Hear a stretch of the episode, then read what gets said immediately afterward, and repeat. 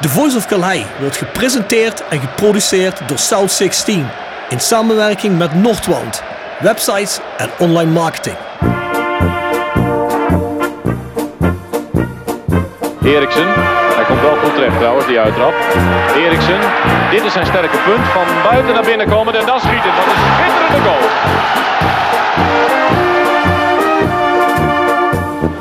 Hansen. Hansen nog steeds. En hij zit erin ook zeg, maar Rempel.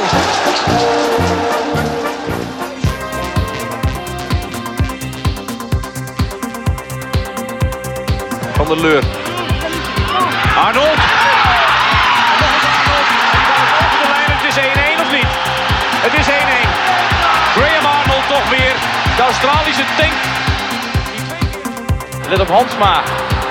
En dan is Sibon die die bal teruglegt op Van der Leur. Hij ramt 3-1 binnen in de 49ste minuut. En dan is de wedstrijd verlopen. toch al zo lang in de club zit en door samen in geëerd werden. Daar hebben we veel niet voor gedaan, maar dat is zo gekomen is. Dat deed mij persoonlijk en ook aan het Hendricks enorm. geven. Hadouier als hij rustig blijft. Hij blijft rustig. Roda op 3-1. Ja, dat kon niet uitblijven. Vente komt vrij voor het doel. Kan Roda toeslaan. Goppel en die zit erin. Het is 3-2 voor Roda. Kwartier voor tijd.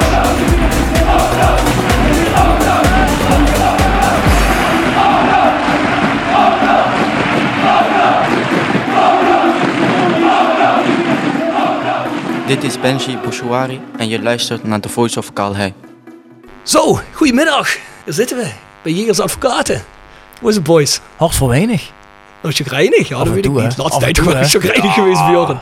Ja, had je ook wel reden. Kan ik goed begrijpen. Ja, fijn, bedankt. Ja, ik ben wel eens afgereden uit Essen op een warme donderdagmiddag. We willen natuurlijk podcast opnemen. De actuele zaken toch nog een keer een beetje nuanceren. Want ik merk toch dat er ook vooral op social media discussies soms toch tot op het persoonlijke gaan. Want ik denk, mensen, mensen, mensen. Er zijn genoeg mensen die het dan ook het juiste eind hebben. Uiteindelijk willen we allemaal hetzelfde. We hebben allemaal kritiek op de vereniging. Misschien willen we dat op andere manieren uiten en andere manieren doen. Maar we willen toch een beetje recht zetten. Hè, dat we wel degelijk nog allemaal voor hetzelfde vechten. Maar goed, daar hebben we het straks wel over. En eerst heel even een aantal mededelingen. Mensen, wij zijn ODC.nl. Het prikbord, daar is natuurlijk ook een en ander aan de hand. Bjorn, daar kijk je wel eens op of niet? Zoom de daar ook van de verhalen.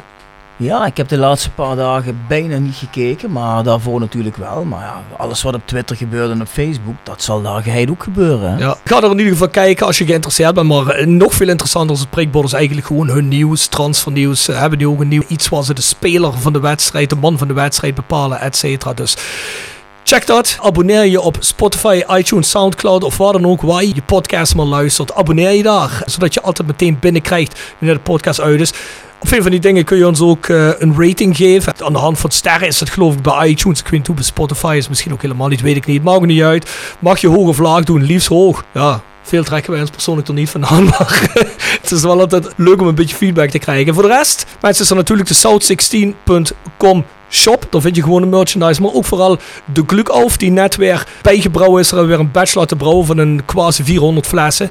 Bij elke vijf flessen krijg je weer een glas voor niks. We hebben ook nog wat Sweet 16 over. Die kun je mix en match doen. Dat maakt allemaal niks uit. En dan kun je een glaasje van de zomerdag of van de Sweet 16. Kun je kiezen om gratis erbij te krijgen als je dat zou willen. Van de Glukauf hebben we geen nieuwe glazen laten maken. Maar pak dat erbij. Het is ook altijd lekker weer. Dus die Sweet 16 gaat er lekker in. Nou, voor de rest zitten we nog op een ander kanaal. Namelijk op petje.af. Schuine streep naar voren de Voice of Calais met de Voice Kort. Daar zijn we vanaf dit weekend ook begonnen met de nabesprekingen. Jullie hebben misschien op ons gewone kanaal per uitzondering hebben jullie hem gewoon weer kunnen horen. Nou, voor de rest kun je daar erop abonneren op petje.af. Schuine streep naar voren de Voice of Calais. En er zijn een aantal opties hoe je kunt abonneren. Nou, ga daar eens kijken. We gaan het nu ook uitbreiden. Er komt ook een internationaal podcast bij. En dan gaan we ook doen met een aantal items met de jongens van het Roda Museum. Dus is interessant. En dat doen we samen met Jasper Klute, Bart Eurlings. En er komen in de toekomst nog een aantal mensen bij. Dus ik zou zeggen, mensen, ga daar kijken. Vers gebrande pinda's. Wordt gepresenteerd door Hotel Restaurant de Veilerhof. Boek een overnachting of ga heerlijk eten in het mooie bergdorpje Veilen. Voor boekingen ga naar www.veilerhof.nl. En Torapi Autodemontage aan de Locht 70. Voor al uw auto-onderdelen en het betere sloopwerk. Al 40 jaar een begrip in kerkrade. Tevens gesteund door Fandom Merchandising. Jouw ontwerper en leverancier van eigen sjaals, wimpels en andere merchandising. Voor sportclubs, carnavalsverenigingen en bedrijven. Al jarenlang vaste partner van de Rode JC Fanshop. Check onze site voor de mogelijkheden. www.fandom.nl de oplossing voor de prijsvraag hebben we deze week niet. Want we hadden vorige week geen prijsvraag. Maar ik heb wel een nieuwe. Bjorn, Bon van Pain brengen wij een nieuwe plaat uit. Is maar heel gelimiteerd. Zijn er maar 200 van. Doen we samen met onze vrienden van German Casuals. Die doen een beetje hetzelfde eh, bij onze vrienden van Alemannia. Daar brengen we samen allerlei gekleurde vinyls vanuit en dergelijke. En ik heb er één om te winnen. Een van de 100 exemplaren die daar geperst zijn. Ah, die is eigenlijk niet zo moeilijk. Ja, dat zullen de meeste mensen weten. De mensen die ook een beetje in de muziek zitten. Welke Bon van Pain song is een ode aan de streek in de club? Als je die weet, dan win je een Live Forever 12 inch. En ik hoor er twee tickets voor het Nederlands Mijnmuseum bij. Ja, Nederlands Mijnmuseum.nl is volgens mij nou ook onder bepaalde regelgeving open. Dus ga daar kijken bij de oude Oranje Nassauskaart aan het Sporenheerlen. Nou, ons e-mailadres is thevoiceofcalais.south16.com. En dan zou ik zeggen, Bjorn, heb jij een tip van de week? Tip van de week. Gepresenteerd door Jegers Advocaten. Ruist de Berenbroeklaan 12 in Heerlen. Hart voor weinig, nooit chagrijnig. www.jegersadvocaten.nl En Nextdoor Kapsalon, Nagel en Beauty Salon op de locht 44A8 te Kerkrade. En Roda Support. Supporter van werk. De uitzendorganisatie rondom Roda JC waarbij de koempelmentaliteit centraal staat. Roda Support brengt werkgevers en werknemers met een hart voor Roda samen. Ben je op zoek naar talent of leuk werk in de regio? Kijk dan snel op www.rodasupport.nl of kom langs op onze vestiging in het Parkstad Limburgstadion voor een kop koffie en een gesprek met Boris, Peter, Frank of Ben. Ja, luister, we hebben hier niet voor niks een gast zitten, Sean Krings. Dus ik schuif hem even door naar Sean. Die Ja. zal toch vast wel goede tips hebben voor ons. Ja, ik luister eh, altijd en de laatste week hoor ik eigenlijk eh, weinig tips, dus ik heb er zelf meerdere. Mag dat? Ja, tuurlijk. Laat Ja, gaan. ik heb een kijk, luister en leestip. Dus, eh, Nou ja, hij- graag. Zeker die hij is goed voorbereid. ja, zeker, super. zeker. Daar Nee, hou ik van als mensen zijn voorbereid. Ja, zeker. Nee, bij eh, allereerst op eh, Netflix staat een eh, serie The Serpent. Dat gaat over een Nederlandse Mhm. diplomaat in Thailand. Die, de, ja, die gaat de, hoe moet ik dat zeggen, de verdwijning van twee toeristen gaat die onderzoeken. Dat is goed, hè? Ja, en opeens stuit hij op een eh bloeddorstige moordenaar. eh, ja. Oeh, je moet niet Niet te Nee, veel dat- vertellen, niet dit, te veel vertellen. Dit staat al in de, het voorstukje. Hè? Moet hem dus nog eh, dat kijken. staat er al. Moet je Maar maar het is wel, kijken, eh, Bjorn. Moet hem nog kijken. Oh, Ja. die vind je vast goed. Die is Maar- super. Maar dit staat er dus. Het is eigenlijk allemaal nagespeeld eh, hoe het allemaal is. En, maar ik vond het heel erg goed. Ik heb het... eh, Ja, dat is geen documentaire. Dat is een, Nee, het is ge- het is- gespeeld, het is maar Het is wel nagespeeld. het berust wel allemaal op waar gebeurde ja, feiten. ja, op een Nederlander. En eh, je hoort dus ook af en toe... eh, er speelt ook een Nederlander in. Eh, maar je hoort ook af en toe een Nederlands woordje natuurlijk tussendoor. Dus, Ja, alleen eh, die acteur hadden ze gewoon ook een Nederlander kunnen Ja. neerzetten. Want als die Nederlands praat, dat, daar klopt niet veel van. een Engelsman die Nederlands praat. Ja, Ja, heel mooi. Ja, die. Dat is eh, zeker een aanrader. Dan, ja, ik hoor eigenlijk altijd podcast, documentaires, films. Maar ik hoor hier nooit iets van boeken. Buiten dan die van Pierre.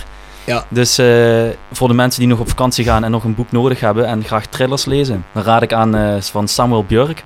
Ik reis alleen. Gaat over een Noors recherche-team die een eh, aantal moorden gaan op, eh, oplossen. Dus, eh, of onderzoeken.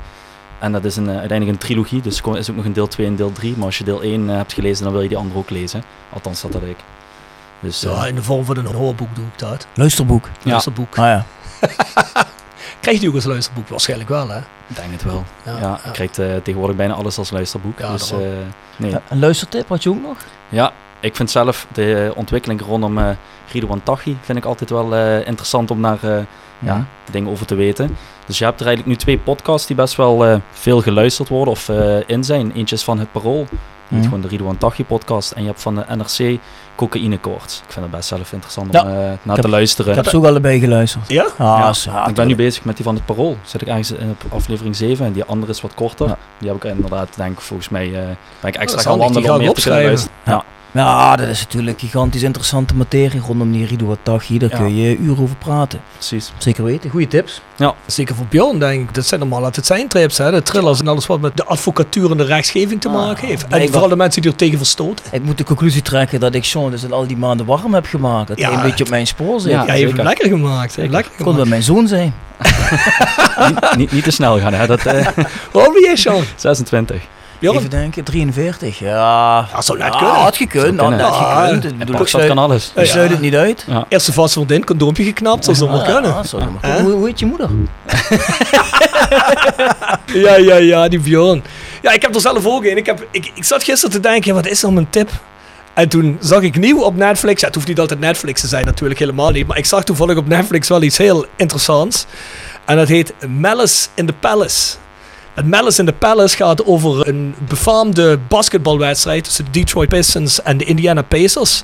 Ja, qua publieksparticipatie en het misdragen ervan kon het wel een gewone voetbalwedstrijd zijn in Latijns-Amerika. Het gaat er uiteindelijk om dat een team dat eigenlijk voor de eerste keer rond Reggie Miller, hè, ook groot basketballer, een grote kans had om, om kampioen te worden dat jaar. Er stonden eigenlijk wel alle tekenen na. Die raakte toen verstrikt naar een overtreding van iemand van de Indiana Pacers, een vechtpartij zelfs met het publiek. En dat wordt eigenlijk een full-scale riot. En het heet Malice in the Palace. Want malice betekent hè, iets wat, wat niet goed is, een slechte situatie. Eh, Dat heet eh, de nog iets Palace die zaal. Dus dat sportpaleis wat het in eh, gehouden werd in Detroit. En dat is heel interessant. En je ziet de mensen die er meest in geïnvolveerd zijn. En wat van hun carrières geworden is, et cetera, et cetera. Dus ik heb me daar een dik uur kostelijk mee geamuseerd gisteren. Zo. Ja, Bjorn. We hebben zijn naam al genoemd. Dit is ook geen onbekende gast hier. Wie zit hier vandaag? Volgens mij heet die jongeman Sean Krings, hè? Ja, volgens mij ook. Maar Sean Krings die doet meerdere dingen, geloof ik, hè? Hij is eh, lid van de UK. We hebben hem al eens een keer als gast gehad als lid van de UK, weet Ja, ik, hè? klopt. Eh, lid van de supportersraad. Ja. Wat Ja. doe je nog meer, Sean? Los Major nog altijd of niet? Nog altijd redelijk geleerd, ja. Ja, dus, eh, kijk, maar nou. goed, eh, gewoon altijd bij Roda daarbij betrokken. Ja. Dus eh, We hebben vandaag ook eh Sean uitgenodigd, omdat we toch nog op een aantal dingen in willen gaan, zoals we al in introductie hebben aangekondigd. Maar er is deze week ook een statement uitgekomen van de supportersraad. En dat is natuurlijk iets waar wij ook aan gelieerd zijn in de vorm van de verschillende bewegingen waar we aangesloten zitten. Wij met 16 hebben ons altijd gelieerd gevoeld en zijn ook allemaal lid bij Fanproject. Daar voel ik me het meest in gelieerd. Bjorn is natuurlijk lid van de platform en Sean is lid van de UK. Die hebben allemaal mee ondertekend, dus daar willen we het over hebben. Er is ook een klein beetje ophef over geweest, maar ook in het algemeen. Er zijn ook andere statements uitgebracht door andere bewegingen in supporters gebeuren. En we willen het natuurlijk ook hebben over de actuele ontwikkelingen bij Roda en dat even allemaal in perspectief zetten. Daarom zitten we hier met z'n drieën. Ja, misschien eerst een korte samenvatting van laatste week, Bjorn. We hebben vorige week vrijdag hier met Bart gezeten en toen was Jeffrey van As net ontslagen. Nou, wat is er eh, eigenlijk sindsdien gebeurd? Moet je al bijna de telefoon erbij gaan pakken, hè? Er is Dat- iedere dag wel wat gebeurd. Op een gegeven moment, na de wedstrijd tegen de Graafschap, kwamen ze zondag met het interview van Joop Jansen, denk ik. Dat was ook op zondag, of heb ik al Ja, dat, was, dat was eh, zondag inderdaad. dat was zondag Ja, ook. de die reageert op het geheel. We hadden natuurlijk de rode wedstrijd. We zullen straks nog heel even hebben over hoe we vinden dat rode begonnen is. Ja, wat onze kijk daarop is op het voetbaltechnische. Maar laten we het eerst even over andere zaken hebben. Dus het interview van Joop Jansen dat hij gaf bij L1 geloof ik hè? Ja, dat klopt. Dat was zondagochtend bij L1 en later bij de Limburg had hij ook een interview met eh, Jimmy Leenders, wat eigenlijk een beetje eh, dezelfde strekking had. Een stukje charme-offensief, denk ik, kun je het noemen. Hè? Ik zag een eh, Joop Jansen die, eh, naar mijn idee, zich vrij ongemakkelijk voelde op camera. Dacht dat je wel kon zien dat hij, dat een beetje het zweten was. Ah Ja, en hij heeft zijn, zijn visie bepaalde zaken gegeven. En het is aan eh, iedereen om daar zijn eigen conclusies over te trekken. Maar ja, ik geloof dat wij het niet heel sterk vonden. En dat wij vonden dat op de meeste uitspraken van eh, Joop Jansen wel het nodig af te dingen was. Ik vond dat er weinig diepgang in zat in de antwoorden. Kijk, als je over bepaalde zaken vraagt, over belangrijke dingen, zoals het, ontslag van Jeffrey van As bijvoorbeeld. En je zegt dan, eh, wat natuurlijk ook door veel mensen alweer legt is, mensen zeggen van ja goed, de officiële reden is je stuurt hem eh, de laan uit omdat hij drukt op het budget. Maar ja goed, die man is op non-actief gezet. Je hebt een contract, dus hij zal gewoon zijn geld willen hebben. Dus dat geld dat ben je sowieso kwijt. Dus daar kan je het niet voor gedaan hebben. De timing is natuurlijk ontzettend slecht. Twee dagen voordat een eh, competitie begint met een transformatie nog drieënhalve week open is. Nou, dan bedenkt hij zich natuurlijk zelf ook en zegt van, nou ja goed, hij lag natuurlijk eh, ook niet zo heel goed binnen de organisatie en er waren wat dingen. En dan hoor ik natuurlijk mensen op internet zeggen van, ja goed, zie je, er zit natuurlijk wat achter. Nou, dat klopt, er zit inderdaad wat achter. Hij lag inderdaad niet zo goed bij bepaalde mensen binnen de organisatie. En heel specifiek Joop Jansen en Martijn Wismans. Nee, natuurlijk. Iedereen die zich een beetje erin verdiept heeft, weet wel dat het een afrekening is. Dat Jeffrey eh, intern en extern eh, niet heeft geschroomd om te zeggen dat hij vond dat Joop Jansen en Martijn Wismans niet goed functioneerden. Ja, en daar denk ik dat men eh, een aantal dagen voor dat ontslag gemeend heeft dat de maat vol was. En alles wat er achteraan komt van redengeving, dat is natuurlijk bedacht. Omdat je niet wil zeggen van ja, ik was hem gewoon spuugzal, ik wil van hem af. Ja. nou, waarom niet? Je hebt het toch over transparantie. En als je dan tegen iemand zegt van ja, ik mag hem Ja. niet. En hè, misschien heeft Jeffrey ook bepaalde dingen niet goed gedaan. Zeg je, dan leg je dat gewoon uit. Van hij lag niet goed, dit en dit en dit. Wat je kunnen doen, dan weet je dat je natuurlijk nog vanuit de media nog veel meer kritiek gaat krijgen klopt, dan je nu al gedaan. Had ik er wel meer respect voor gehad. Of Ja, het dan zeker. eens was, Wel, ja. niet, Zeker. niet. Maar ja, er zijn veel dingen die anders hadden gedaan kunnen worden. Had ik meer respect gehad voor de mensen. En kijk, waar ik een probleem mee heb, is dat je suggestief iets in de groep gooit. In de media gooit, dat dan naar buiten toe gooit. Je legt dat niet helemaal uit, waarbij inderdaad mensen conclusies gaan trekken. Oh shit, ja, er zal achter de schermen wel eens gespeeld hebben dat Mm. Van As echt met rare dingen bezig is. Terwijl dat gewoon feitelijk niet zo is. Het enige wat wel feitelijk is, dat kunnen wij ook gewoon bevestigen, is Van As is niet op zijn bek gevallen. Van As is een Ja. mondig iemand. Van As zegt gewoon, als hij een klootzak vindt, zegt hij dat hij een klootzak vindt. Als hij vindt dat je niet goed je werk doet, zegt hij dat. Hij heeft hier ook bij ons aan tafel wel eens dingen gezegd die misschien niet opgenomen zijn, omdat de microfoon nog niet aan stond. Wat hij gewoon tegen Bjorn of mij zegt, nou ik vind niet dat dat zo is, of ik vind niet dat jij dat moet doen op die manier. Ja, daar kun je aanstoren nemen als je dat elke dag hoort, of niet. Kijk, en ik vind gewoon in een voetbalorganisatie moet je mensen, in elke organisatie, moet je mensen beoordelen op het werk wat ze verrichten. Dat iemand korter door de bocht is, dat wist je bij Jeffrey van As al van tevoren. Hè, het is iemand uit de Randstad, we weten allemaal, hè, de Limburger zit dan toch iets anders in elkaar. Ik heb daar persoonlijk niet zoveel problemen mee. Ik ken ook veel mensen die er ook geen problemen mee hebben. Maar als je dan misschien telkens je vinger op het zere punt legt, ja, dan kan ik me voorstellen dat zo'n Joop Jansen en zo'n, vooral zo'n Martijn Wisman zoiets hebben, we moeten van die gast af. Want ik krijg elke dag te horen dat ik nog niks tot stand heb gebracht. En dan zou je kunnen zeggen, ja, misschien moet Van As dat dan ook niet doen. Nou ja, goed, dan heeft hij misschien de vingerspitsengevoel niet. Misschien een beetje lomp gaat hij door de porseleinsgas heen. Maar dat is ook altijd geen reden voor ontslag. Dan moet je gewoon gaan zitten en je bewijzen. En ik vind, Van As heeft zichzelf... Hè, dat zien we nu ook weer in de transfer van Sian Emmers. Die komt echt niet uit de hoge hoed van iemand anders. Die is misschien net afgerond, maar alle onderhandelingen en alles wat erbij komt kijken, die zijn gedaan door ook wel Jeffrey van As. En het gaat helemaal niet om dat we hier Jeffrey van As alle in de moeten steken. Nee, Van As zal ook zeker zijn slechte kanten hebben. En misschien had dit jaar ook wel helemaal kut uitgepakt uiteindelijk voor Van As. Dat zou allemaal kunnen, maar tot op dit punt... Ja, denk ik niet dat er een zodanige reden was om Van As te ontslaan. Ja, en dat suggestieve, dat vind ik inderdaad ook wel kwalijk. Hè? Want je ziet mensen gaan eh, eigen verhalen maken. Ik las zelfs op een gegeven moment tig mensen die zeiden van ja, het zal wel zo zijn dat Jeffrey van As veel te veel geld aan Vente heeft betaald en buiten Ja. het budget om is gegaan. En dat kost Roda te veel geld. Terwijl ik denk van ja, weet je, dat, dat gaan mensen dan verzinnen. Maar dat kan toch Terwijl het gewoon allemaal binnen het budget past. Omdat er dan gezegd wordt van ja, weet je wel, gedrag, houding, maar meer kan ik er niet over zeggen. En daarmee schaadt je eigenlijk Ja, mensen als het tuurlijk. Precies. En eh, het stel hè, dat verhaal met Vente zou al kloppen, want dat heb ik gehoord. En inderdaad, eh, zelfs Frauda heb ik ergens in apps voorbij zien komen. Dat ik denk van ja, stel al zou dat komen, dan moet je dat juist als reden opgeven. Want Tuurlijk. dan denkt iedereen, hé hey, die Jeffrey is een coole gozer. Maar die houdt zich niet aan het budget. Als dat echt de reden is, dan moet je dat gewoon Dan opgeven. kun je En dat dan, gewoon Nee, dat wordt zelfs de Roda niet verteld. nee, maar dan, dan schaadt je daar één, jezelf als club niet mee. Want het is ook niet goed dat iemand te veel geld uitgeeft. Twee, je hebt ook best een logische reden van, hey, tot hier en niet verder. En je spreekt de waarheid. je spreekt de waarheid. Daarnaast, volgens mij moet nog altijd een AD ook nog een krabbeltje zetten bij transfers. Precies. Want Collard heeft Precies. toen gezegd, het is inderdaad dat ik vaak Precies. zonder nadenken een Dus- krabbeltje heb gezegd. dat Jeffrey kan ik, niet eens zomaar niet. buiten het budget gaan zonder dat Martijn dat meteen zou zien. Nee, dus, maar stel het was, dan, ja, dan moet je dat gewoon zeggen. Ja, Maar goed, ik haalde dus dat hele Van As verhaal aan, omdat ik dan Ja. al heel erg, eh, of ik vond dat helemaal niet sterk. En zo heeft hij nog een aantal van die zaken gehad, waarin hij heel erg begint te zweten, te stotteren en dat er een suggestief iets wordt gezegd. En dat zal misschien van tevoren zal het bedacht zijn of niet bedacht zijn, dat kan ik niet zeggen. Ik zit niet in die man zijn hoofd. Maar het laat wel van alles ter interpretatie open. Ja, dat vind ik niet correct. Als je Ja. een interview doet, dan spreek je dan fatsoenlijk uit. Kijk, en een van de dingen waar hij nou weer eh, over begon was onder andere René Trost. Hij begint hij weer over, ja, het bleek in de praktijk toch wel lastig te zijn, een dubbelfunctie voor René. Hè. Richie Becks had het wel uitgezocht, maar in de praktijk was het toch moeilijk eh, om het zo te doen. Ja, terwijl iedereen gewoon weet inmiddels al dat het gewoon onzin is. Want. René Trost is eruit gestapt vanwege Joop Jansen. Ja. En niet eh, vanwege die dubbelrol. Dus ja, daar blijft hij dan op terugkomen. En dan denk ik van ja, dat vind ik niet goed. Hetzelfde zie je een beetje met eh, Richie Becks, Robert-Jan Lambrix. En dan vond ik het interview bij L1 drukte daar niet echt op door. Was niet echt heel kritisch. Jimmy Leenders vond ik kritischer. Die stelde wel wat meer vragen in de verdieping daarop. En toen het een beetje moeilijk werd, toen zei Joop, ja, ik zie dat anders. Daarmee kun je alles natuurlijk in één keer doodslaan. Dan is de discussie ten einde als je gewoon aangeeft, ik zie dat anders. Wat ik ook niet begrijp is, dat is eigenlijk de eerste publieke uiting van zo'n persoon naar buiten toe. Want Roda communiceert eigenlijk überhaupt niet, behalve via een heel slecht opgesteld communiqué, waar ze dus ook die hele shitstorm over zich heen hebben gekregen. Ja. Dat denk ik, als je dan communiceert, waarom doe je dat dan niet heel duidelijk. Waarom leg je niet alles heel duidelijk uit? Als ik hele goede en duidelijke argumenten hoor, misschien ben ik dan ook wel om. En dat begrijp ik niet. Dan worden dingen ter interpretatie opengelaten. En precies wat Bjorn zegt, als dan iets op het punt wordt gebracht en er worden gerichte vragen gesteld, dan zeg je gewoon, ja, zo zie ik het niet. Of daar ben ik het niet mee eens. Of ik zit er anders in. Ja, dat zal best dat je er anders in zit, of dat je het niet zo ziet.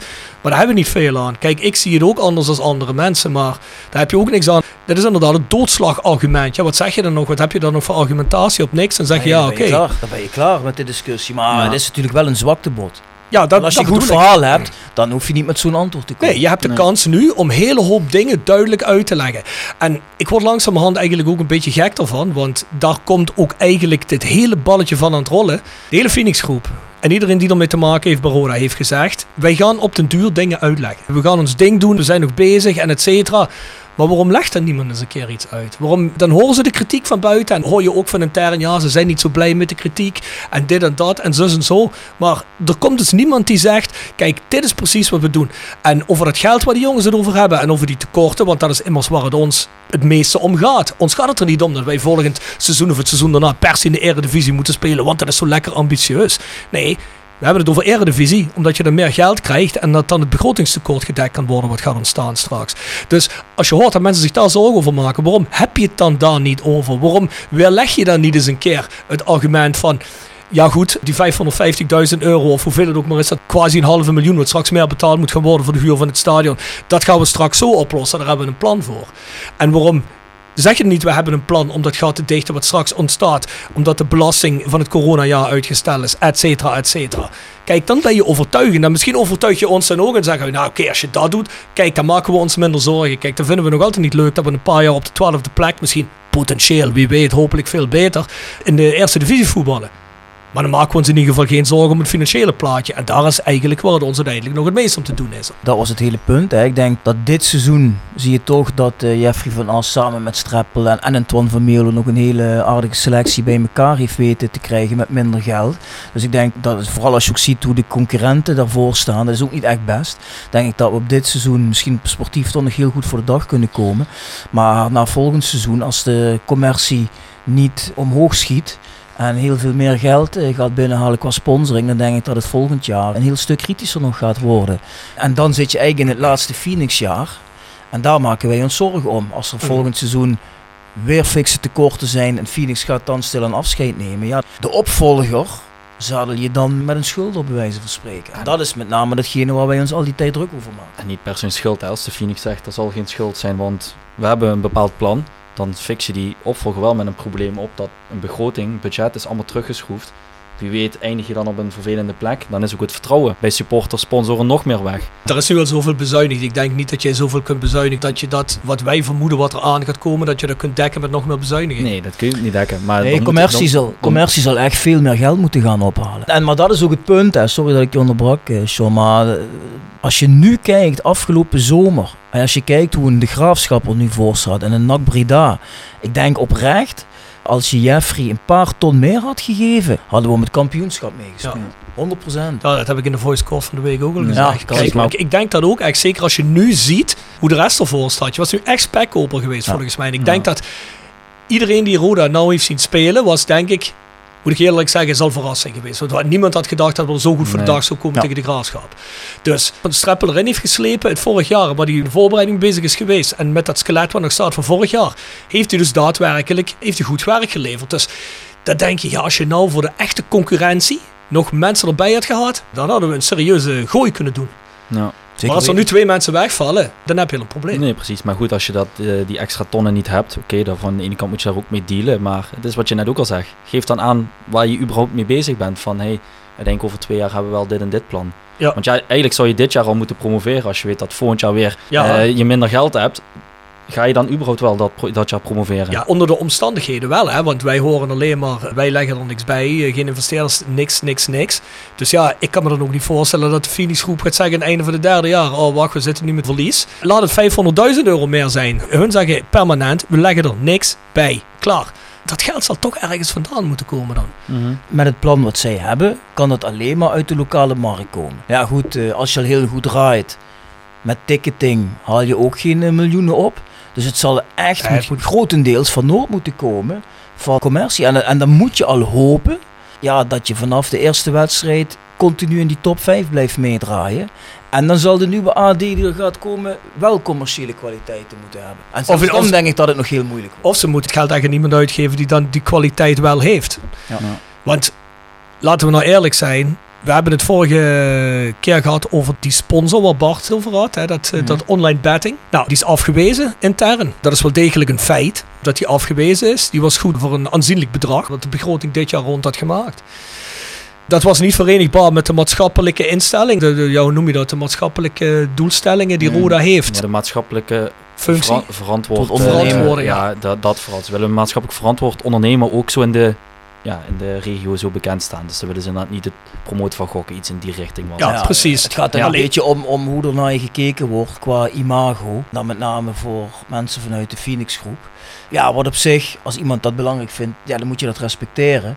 Maar ja, je bent natuurlijk niet in de, in, in de positie als club zijnde om eh, Nee. sponsor van die orde van groot af te te wijzen. wijzen. Precies. Kijk, dan zeg ik, en dan komen we weer op het, hebben we de vorige keer ook gezegd, dan kom je toch op het punt uit. Als jij ervoor kiest omdat jij een maatschappelijk iets voor op je wedstrijdshirt hebt staan het hele vorige seizoen of nog ergens anders op het shirt. En als jij zegt dan van dat is niet verenigbaar met elkaar en dat verft ook niet goed op mij af.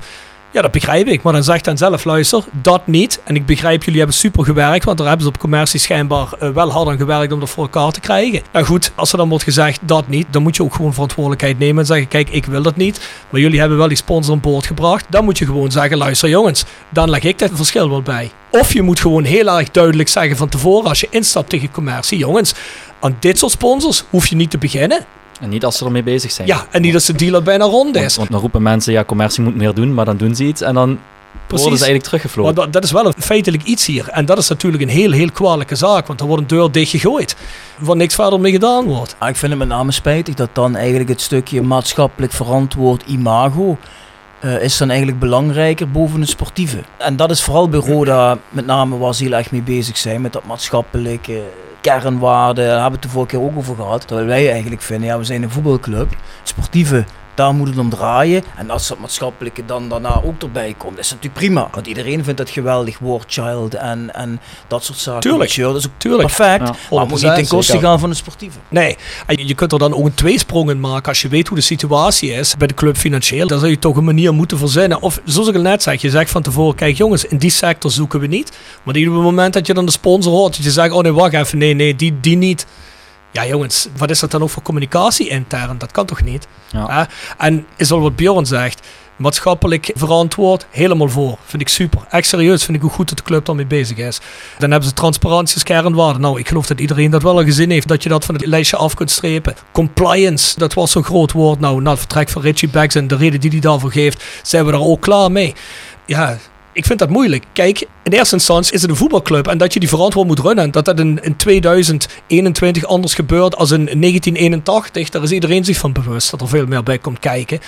Maar ik vind niet dat het één zo zwaar moet wegen, waardoor het zo moeilijk wordt op andere fronten. Want je moet je nogmaals realiseren, wordt dat voetbaltechnisch niks? Ja, dan vraag ik me af of de sponsoren weer in de rij staan op het einde van het seizoen hoor. Hadden jullie met de supportersraad niet een Zoom-bijeenkomst gehad met eh, Joop Jansen en Martijn Wismans? Jawel, maar via Teams. Dat was dus maandag. Dus eh, na, na zijn eigen interview. Die heeft twee uur geduurd. Maar ja, ik, heb, eh, ik zit nu ruim 2,5 jaar in de supportersraad. Daarvoor ook al vaker met mensen van de club gesproken. Ik, eh, ja, sorry, maar ik denk dat ik misschien nog wel het meeste onzin in twee uur ooit heb gehoord eh, in mijn, eh in mijn Roda-carrière, even om het zo dan maar te zeggen. Het is echt... eh, Omdat Ja. even te nuanceren, Sean, is er iets anders uitgekomen als in het interview? Of met ons bedoel je dat waren echt zwamverhalen? Of was het Eh. meer zo in de trant van het interview dat er wel dingen gezegd werden, maar dat die gewoon interpretabel zijn en dat er geen echte antwoorden kwamen? Nee, kijk. Uiteindelijk is ook dat statement eh, namens ons online gekomen. Hmm. Maar eh er waar natuurlijk heel veel in werd uitgelegd. En ja, ook natuurlijk be- een bepaalde kritische blik. Alleen, ik ben over het hele onderwerp was ik maar één ding eh, eens met, eh, met Joop Jansen. En dat ging dan over het stukje buitenlandse investeerders. Want ja, daar staan wij sowieso als groep niet om te springen. En zeker om een partij die zich dan bij Roda had gemeld, die dan het technische beleid centraal wilde onder meerdere clubs verdelen. Ja, ik snap dat je dat niet wilde, die uitleg is duidelijk. Maar het hele verhaal over Van As, ja, sorry, maar toen ging het over kosten besparen. Want met die kosten die je zou besparen, zou je weer een extra speler kunnen aantrekken om hè, toch weer eh, wat eh, ja, beter te kunnen gaan doen om het komend seizoen. En terwijl ik denk, welke kosten ga je nou echt besparen hè, door, een, eh, door iemand te ontslaan? Want één, hij moet toch een bepaald gedeelte eh, worden doorbetaald. Hm. Je hebt imago-schade. Een Streppel en een Van Mierlo, waar ze het dan hebben over het technisch hart, die willen. Ik kan me niet voorstellen dat ze zeggen, oh ja, ik doe wel voor hetzelfde geld, doe ik wel meer. Als, Nee, mijn, als, als, als mijn baas opeens zegt van, eh, hey Sean, hier heb je een leidinggevende functie of een betere functie, maar voor hetzelfde geld, dan zou ik zeggen, nee, dan blijf ik gewoon mijn huidige rol doen. Nee, Ja, Nee, dus- tuurlijk. Dus ik vraag me af, hoeveel, hoeveel ga je besparen? Oké, en dan haal je dus al een speler voor dat geld. Wat je dan bespaart. En dan denk ik, ja, dan moet je dus wel al zo zelfverzekerd van je hele plan zijn om dat te doen. En dan vervolgens is het hele alternatief nog niet zeker. Ja. Het, het alternatief van het technisch hart.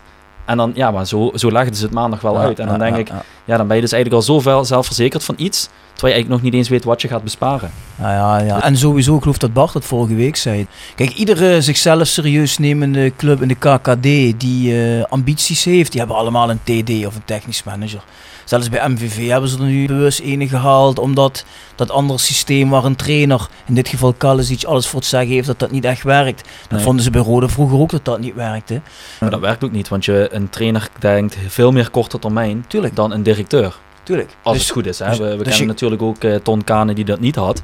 Maar over al, over het algemeen denkt een directeur wat meer op die lange termijn. Nee, dus, en daar dus, speelt hij ook op in. Dus Jo probeerde een beetje te verkopen, het ontslag van Van Aas, alsof daar een of ander geweldig geniaal idee achter zit. Maar ja, dat is natuurlijk niet zo.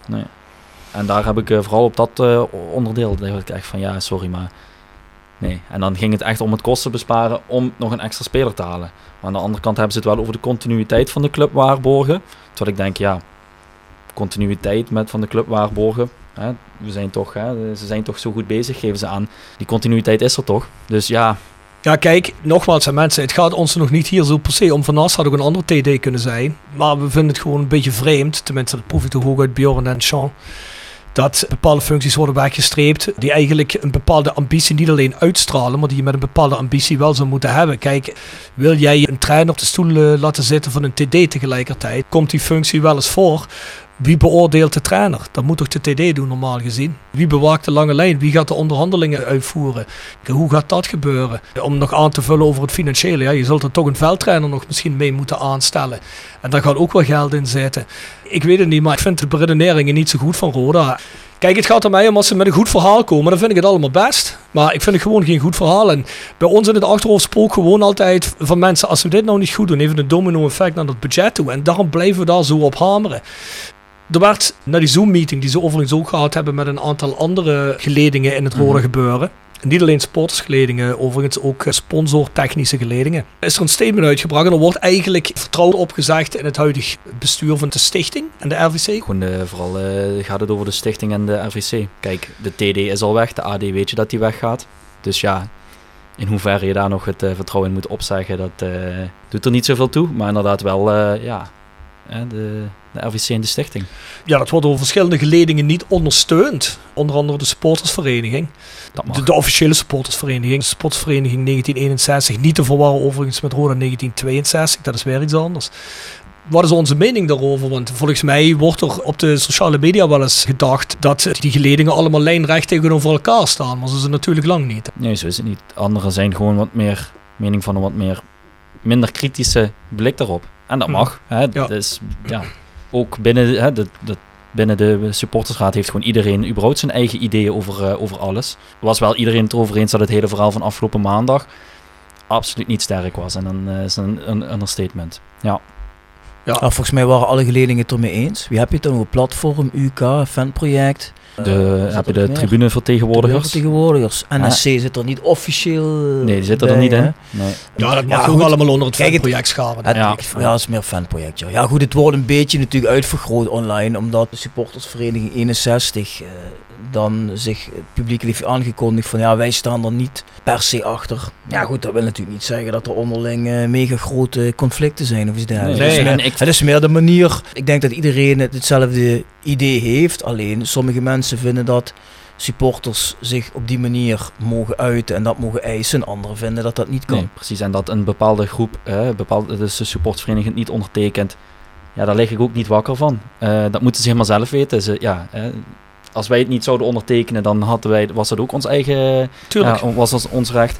Dus dat maakt me ook niks uit, want iedereen heeft er weer een hele andere kijk op. Alleen ik vind wel inderdaad dat je gewoon denkt van, oh ja, jullie hebben doen het zo, wij doen het zo. Nou, prima. Ja, wat mensen ook moeten weten, er is een dikke maand geleden rond de tafel gezeten door alle geledingen, 1962 sportersvereniging, al die geledingen die in de sportersraad zitten. Er was gewoon iedereen bij geweest. En toen hebben we ook beraden, nou wat kunnen we hier nou mee doen? Onderling is er gewoon een goed gesprek geweest en zijn we tot de conclusie gekomen dat er eh, een bepaalde richting is die het probleem urgenter ziet. En eh, er zijn andere richtingen die zeggen, nou we willen toch eerst nog een aantal keer gaan praten. We hebben ook zorgen, maar we willen toch een aantal keer gaan praten. Maar we zien ook dat dingen fout gaan.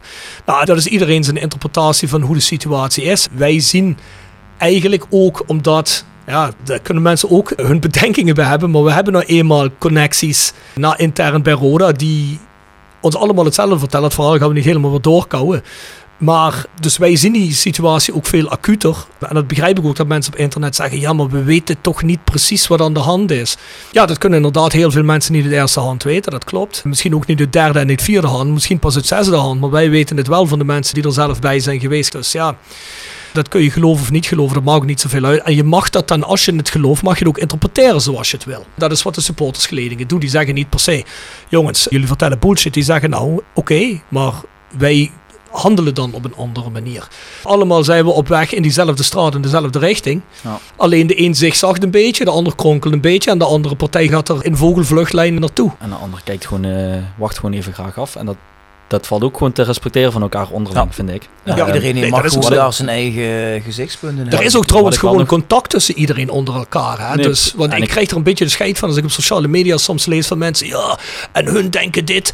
En ik zeg je maar iets. De supportersvereniging in 1962. Ja, nou, ik vind het niet raar dat Roda daar wel nog mee praat. Luister, jongens. Roda heeft in eerste instantie gezegd, we praten met niemand. Toen Ja. hebben ze ervoor gekozen om met iedereen te praten. Dus het is niet zo alsof met de een meer wordt gepraat, de ander meer wordt geloofd. Dat is helemaal niet het geval. Nee, wat ik wel daar wel net over wilde zeggen, wat ik dan wel jammer vond, is dat er eigenlijk op donderdag, hè, vorige week donderdag, een eh, gesprek stond gepland tussen meerdere groepen, ook eh, sponsoren. Ja, ontslaan ze in de ochtend, ontslaan ze van as. Dan is opeens die meeting niet meer fysiek. Dan is die digitaal. Oké, snap ik, hè, uit bepaalde angsten misschien. Maar daarna Goed, er zijn geen dreigingen, dus ik begrijp dat helemaal niet. Nee, ja, maar ik snap Niemand dat- is fysiek bedreigd. Nee, dat klopt. Dat gaat ook niet gebeuren. Nee, nee, precies. Alleen hè, dat ze het dan eh, digitaal doen, oké. Maar uiteindelijk gaat die hele meeting niet door. En dan wordt iedereen, wordt elke geleding toch maar apart uitgenodigd. En dan denk ik wel van ja, wat wil je daar dan weer mee bereiken? En dat vind ik dan wel wel jammer. Ons, onze meeting is zelfs pas. Hè, van ons zou dan ook niet iedereen erbij zitten. Want anders zit je met 50 mensen in een meeting en dat schiet ook niet op. Maar onze meeting is tot na het weekend geteld. De supportersraad was volgens mij de allerlaatste meeting. Hè? Ja, ja en daarvoor, en voor het weekend zijn er wel een paar geweest. En ja, dat je dat denk ik wilt spreiden, snap ik. Maar ik snap het niet omdat je eigenlijk de dag ervoor, of die donderdag toen met het ontslag, wilde je eigenlijk met alles bij elkaar zitten. Dan denk ik wel, vind ik dat toch een beetje jammer dat je het dan toch op die manier... Uiteindelijk, uiteindelijk ben ik er nu wel zelf bij geweest. En dan denk ik wel bij mezelf van ja, dan weet je wat voor bullshit je krijgt aan te horen. Dus dat is misschien wel het voordeel daarvan geweest. Goed, voordat we naar het volgende punt gaan. Jolis Jo wordt gepresenteerd door RodaJC.goals. Het Instagram-account voor je dagelijkse portie Roda-content. Iedere dag een doelpunt uit onze rijke historie. Van Aruna Kone tot Shane Hanze. Van Bob Peters tot Dick Nanninga. Volg RodaJC.goals op Instagram. Nog geen zonnepanelen op uw dak? Bij Marimi Groep in Kerkrade en Heerlen bent u op het juiste adres voor duurzaam advies. Bespaar direct op uw energienota met een hoogwaardig zonnesysteem van Marimi Groep. Marimi Groep werkt uitsluitend met hoogwaardige zonnesystemen die voldoen aan alle eisen van de grootste keurmerken in de solarbranche. Kijk op marimi-groep.nl en maak een vrijblijvende afspraak voor professioneel advies op maat. Van advies tot montage, alles in eigen huis. Persoonlijk contact staat bij ons op nummer 1. Marimi Groep, als kwaliteit uw keuze bepaalt. Tevens gesteund door Metaalgieterij van Gilst. Sinds 1948 uw plek voor gietwerk in brons. Van brons, van Gilst. En Wheeler, uw Volkswagen, Audi, Seat en Skoda dealer. Ook voor zakelijk en private lease. www.wheeler.nl Mobiliteit voor iedereen. Jolis Jool. Jolis Johan. Ken je de rubriek? Ja, zeker, zeker. Nou, dan En, ben ik eh, benieuwd wat jij voor Roda goal hebt. Ja, ik heb erover nagedacht. En ik denk dan toch dat ik eh, voor het eh, doelpunt van Garbalawal tegen Bordeaux ga. Oeh. Daar Oeh, was die ik wat ze- over de lijn was of die niet? was niet over de lijn. Nee, ik was er niet- zelf. Nee, die was niet dat over was de lijn. het tweede jaar volgens mij dat ik naar Roda ging. Tenminste, dus ik was, ik- er, je was fysiek, ik was er dus fysiek bij. En eh, vandaar dat ik ook voor dat doelpunt kies en niet voor eh, vele andere die ik eh, misschien wel mooier vind. Maar ik denk echt, ja, wat gebeurt hier? Een bal is niet over de lijn, die wordt goed gekeurd. Waar zat jij toen? Zuid, Zuid 16, staat Nee, ik die wedstrijd. Ja, oké, goed. Ja, ik was toen ook op Zuid, maar ik zat toevallig precies op de hoogte van de doellijn. Wat is dat daar? Z11 in de hoek? Oh, in de of hoek Z10 of ergens. Z8 of Z7 of zo? Zoiets, Ah, ja. ik weet het niet. Beetje tegen Westerbaan. Ja, En dan kon je bijna op één lijn kon je het zien. En ja, ik heb dat al eens verteld in de podcast. Twee Ja, jaar precies. geleden misschien volgens mij. Maar ik had echt zoiets van, ja, toen die scheidsrechter vloog, Ja. had ik echt zoiets. Wat?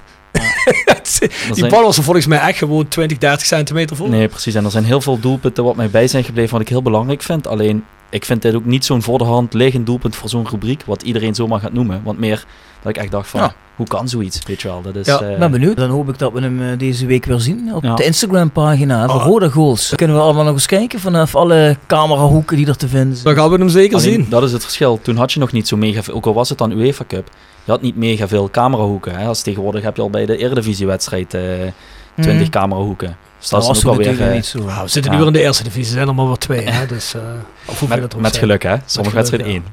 Ja, of je zit in coronatijd, dan krijg je bijna helemaal niks meer. Ja. Maar mannen, ja, tot zover dan die gesprekken die zijn gevoerd. Supporters gebeuren onderling. Er is ook gisteren of eergisteren een interview met Jurgen Streppel gepubliceerd. Was gisteren? Gisteren woensdag. Ja. eh, ja. Wat vonden jullie daarvan, mannen? Ja, laat ik vooropstellen. Voordat mensen denken dat ik dadelijk negatief of zo ben. Maar ik vind Jurgen Streppel een prima trainer. En ik vind het klasse dat hij het seizoen afmaakt. En ik hoop zelfs ook dat hij een nieuw contract gaat tekenen. En ik heb eigenlijk zelf, dat hebben we meteen vanaf het begin al geroepen, dat, dat wij ook verwachten dat hij gaat bijtekenen. En waarschijnlijk ook een dubbelrol gaat accepteren. Maar goed, dat gaan we nog in de komende weken of maanden horen. Maar in ieder geval prima trainer voor Roda. En prima dat hij ook bij de club aanblijft. Maar als ik naar het interview kijk, dan vind ik wel dat Streppel zich vooral met voetbal moet bezighouden. En dat hij de supporters oproept van ja jongens, jullie moeten achter de ploeg gaan staan en de ploeg steunen vind ik ook best. Dat doen En we sowieso. Dat moet hij ook doen, dat moet hij ook doen, dat is top. Maar dat hele stukje van mensen worden beschadigd en, en mensen krijgen kritiek en doen het allemaal gratis en voor niks. Ja, daar had ik wel moeite mee. Want kijk, het feit dat er kritiek eh, komt op mensen, ja, hoe je het ook bent of verkeerd, daar zijn de mensen zelf debet aan. En dat weet Jurgen Streppel zelfs als geen ander, want hij heeft zich met Jeffrey ook maanden opgewonden over bepaalde mensen in de club. En de uitspraak dat de Phoenix Groep veel geld betaalt en er niks voor terugkrijgt, ben ik het ook niet mee eens. Want de Phoenix Groep betaalt inderdaad veel geld en het is mooi dat ze dat doen. Maar eh, ze krijgen er niet niks voor terug, want ze hebben natuurlijk de facto volledige zeggenschap en controle over een voetbalclub. Dus het is Ja. niet zo dat je niks ervoor terugkrijgt. En de funders krijgen ook gewoon sponsoruitingen met hun bedrijven in het stadion. Dus dat ze daar helemaal niks voor terugkrijgen, ja, daar Ja, ben en ik het niet mee. Iedereen van hun heeft gewoon een mannetje of een vrouwtje zit in de stichting Rode Ja, maar daarvoor zeg ik ook, daarom hebben zij de facto de controle over de precies. voetbalclub. Nee, Dus maar ze zijn eigenlijk gewoon eigenaar. Alleen omdat er wat stichtingen zijn opgericht, wordt het in een andere vorm gegoten. Maar feitelijk zijn ze gewoon eigenaren die bepalen wat er gebeurt. Ja, we horen de jongens wel eens zeggen, ja, wij zijn alleen maar grote sponsoren. Ja, dat is natuurlijk niet zo. Hè. Als je sponsor bent bij je sponsor, dan zit je niet met een vertegenwoordiger aan de stichting. En dat is gewoon feitelijk wel zo. Dat is ook helemaal geen geheim. Ik vond het jammer dat Jurgen op die manier een beetje wordt ingezet voor een stukje charme-offensief. Want je leest natuurlijk een hele hoop supporters die dan zeggen van ja, zie je wel, we moeten niet zoveel kritiek hebben. Dat vind ik lastig. Want kijk, je moet het eigenlijk uit elkaar zien te trekken. Kijk, dat wij achter de ploeg staan en de spelers moeten steunen. Tuurlijk, dat vind ik ook. En dat moeten we ook met z'n allen doen. Want die jongens kunnen er allemaal niks aan doen. En we zijn supporters, we willen winnen. Maar je mag daarnaast best wel kritiek hebben op zaken die niet goed gaan. Ik vind dat dat niet één op één aan elkaar gekoppeld moet worden. Tuurlijk niet. En de reden waarom, nogmaals, langzaam wordt het een mantra of zo, maar de reden waarom wij kritiek hebben, is net omdat we willen dat het goed gaat. Wij willen dat Jurgen Streppel, als hij hopelijk kan promoveren dit of volgend seizoen, dat Jurgen Streppel een zo goed mogelijke organisatie om zich heen heeft met mensen die voetbaltechnische ambitie hebben, die de begroting vooral op orde hebben, zodat Roda niet op sterven naar de dood is. Want anders gaat Jurgen Streppel straks ook niet bijtekenen als hij de begroting onder ogen krijgt en zegt van ja jongen, eh, dit seizoen is helemaal niks mogelijk. Dus wat jij nou bent aan doen, dat kun je niet meer doorzetten. Want ook Jurgen Streppel heeft aanbiedingen gehad van andere teams. Die is wel behoorlijk gebleven. Maar ik wil wel zeggen, er is wel degelijk interesse voor Jurgen Streppel. En Jurgen Streppel kan ook zomaar eieren voor zijn geld kiezen als het straks niet goed gaat. Ja. Dus het is in iedereen's interesse, niet alleen dat van de supporters of van de club aan zich en van de werknemers bij de club. Het is ook een interesse van de voetbaltechnische werknemers zoals Jurgen Streppel dat die kritiek er is. En Met, ja mensen, eh, ik hoop dat iedereen achter de ploeg gaat staan. Ja, dat is natuurlijk totale bullshit, want iedereen Nee. staat altijd achter die ploeg. De ploeg heeft voor ons niks te maken met waar wij kritiek op hebben. Precies, wat ik me dan altijd afvraag, zeker bij dat artikel. Ehm, doet hij dat uit zichzelf of krijgt hij dat misschien opgedragen? Want kijk, stel, hij, eigenlijk heeft hij het nu gewoon over mensen die boven hem staan in de, hè, in de organogram. Dat die, eh, die neemt hij in bescherming. Kijk, als het nou over een speler ging, dat wij een speler continu uitfluiten, wat gewoon niet helpt, dat hij dan opeens naar de pers stapt en zegt van, jongens, blijf achter die ploeg staan, blijf achter die speler staan. Dan neemt hij iemand in bescherming die ook onder hem staat. En dan vind ik dat goed, dan ben je een leider. Maar nu beschermt hij iemand. Ja, maar ik, heb nog, ik denk dat ik nog nooit een trainer een RVC-lid heb zien beschermen. Ja, want Ja. in deze insinueert hij dat er eigenlijk mee. Mm. Denk, doet hij dat uit zichzelf? Ja. Of doet hij dat uit dat hij dat krijgt opgedragen of dat hij denkt van hé, hey, ik wil eigenlijk eh, toch wel wat meer voor mijn geld. Of ik wil wat meer geld krijgen. Laat ik dit maar even zeggen, want dan zeg ik dan, hey, die Jurgen Streppel die staat ook voor ons in. Dubbelrol hier zoveel Ja, goed, dat, is, dat is een goede vraag. Dat, weten we natuurlijk niet. laatste, Dat, maar- weet- dat weten we natuurlijk niet. niet. Maar het was wel evident, weet je wel, dat het een charme-offensief is waarover nagedacht is. Van ik ga dit nu zo zeggen in de hoop dat dan de kritiek op bepaalde mensen verstomt. Dat is evident. En, dat, en waarom? Want een trainer valt in, indirect, zou ik maar zeggen, onder een eh, RVC. Ja, straks misschien met die dubbelrol wel. Maar ja, Nee, maar daarvoor zeg ik ook, Ja. ik zou graag zien dat Jurgen zich gewoon puur met voetbal bezighoudt. Nee, niet dat met, is en niet met dat soort zaken. Daar moet hij Precies. eigenlijk zich helemaal niet mee bemoeien. Nou ja, en ik vind, als je dan al de stap neemt en probeert een charme-offensief voor het bestuur van je club te organiseren in zo'n interview, dan vind ik, dan moet je uitspraken zoals ik hoop dat wel iedereen achter het team staat, moet je eruit laten. Want nu ben je dingen aan het vermengen die wij hier ook niet vermengen. Wij willen ten eerste als Roda kampioen zou kunnen worden, niks liever. Niks liever. Ik ben zelf van de graafschap uit geweest. Dan ga ik geen 2,5 uur voor in de auto zitten. Niet? Als ik, het, eh, als ik het team niet wil ondersteunen. Weet je wel, dan moet ik daar met zo'n zatte Sean Krings praten en dat vaak. Dat is, eh, ja. Maar weet je, begrijp je een beetje wat ik bedoel? Ik, anders ja. was je tegen de graafschap al thuis nee, maar het gaat niet om mij. Het gaat Nee. gewoon in het algemeen. Je probeert nou de supporter die kritisch is, probeer je een beetje aan te hangen. Als je kritisch bent en je bent niet rustig en je uit kritiek, dan ben je dus niet echt met het team mee. Die twee dingen die hebben geen ene reden met elkaar te maken. Dat Mhm. mag je ook niet insinueren.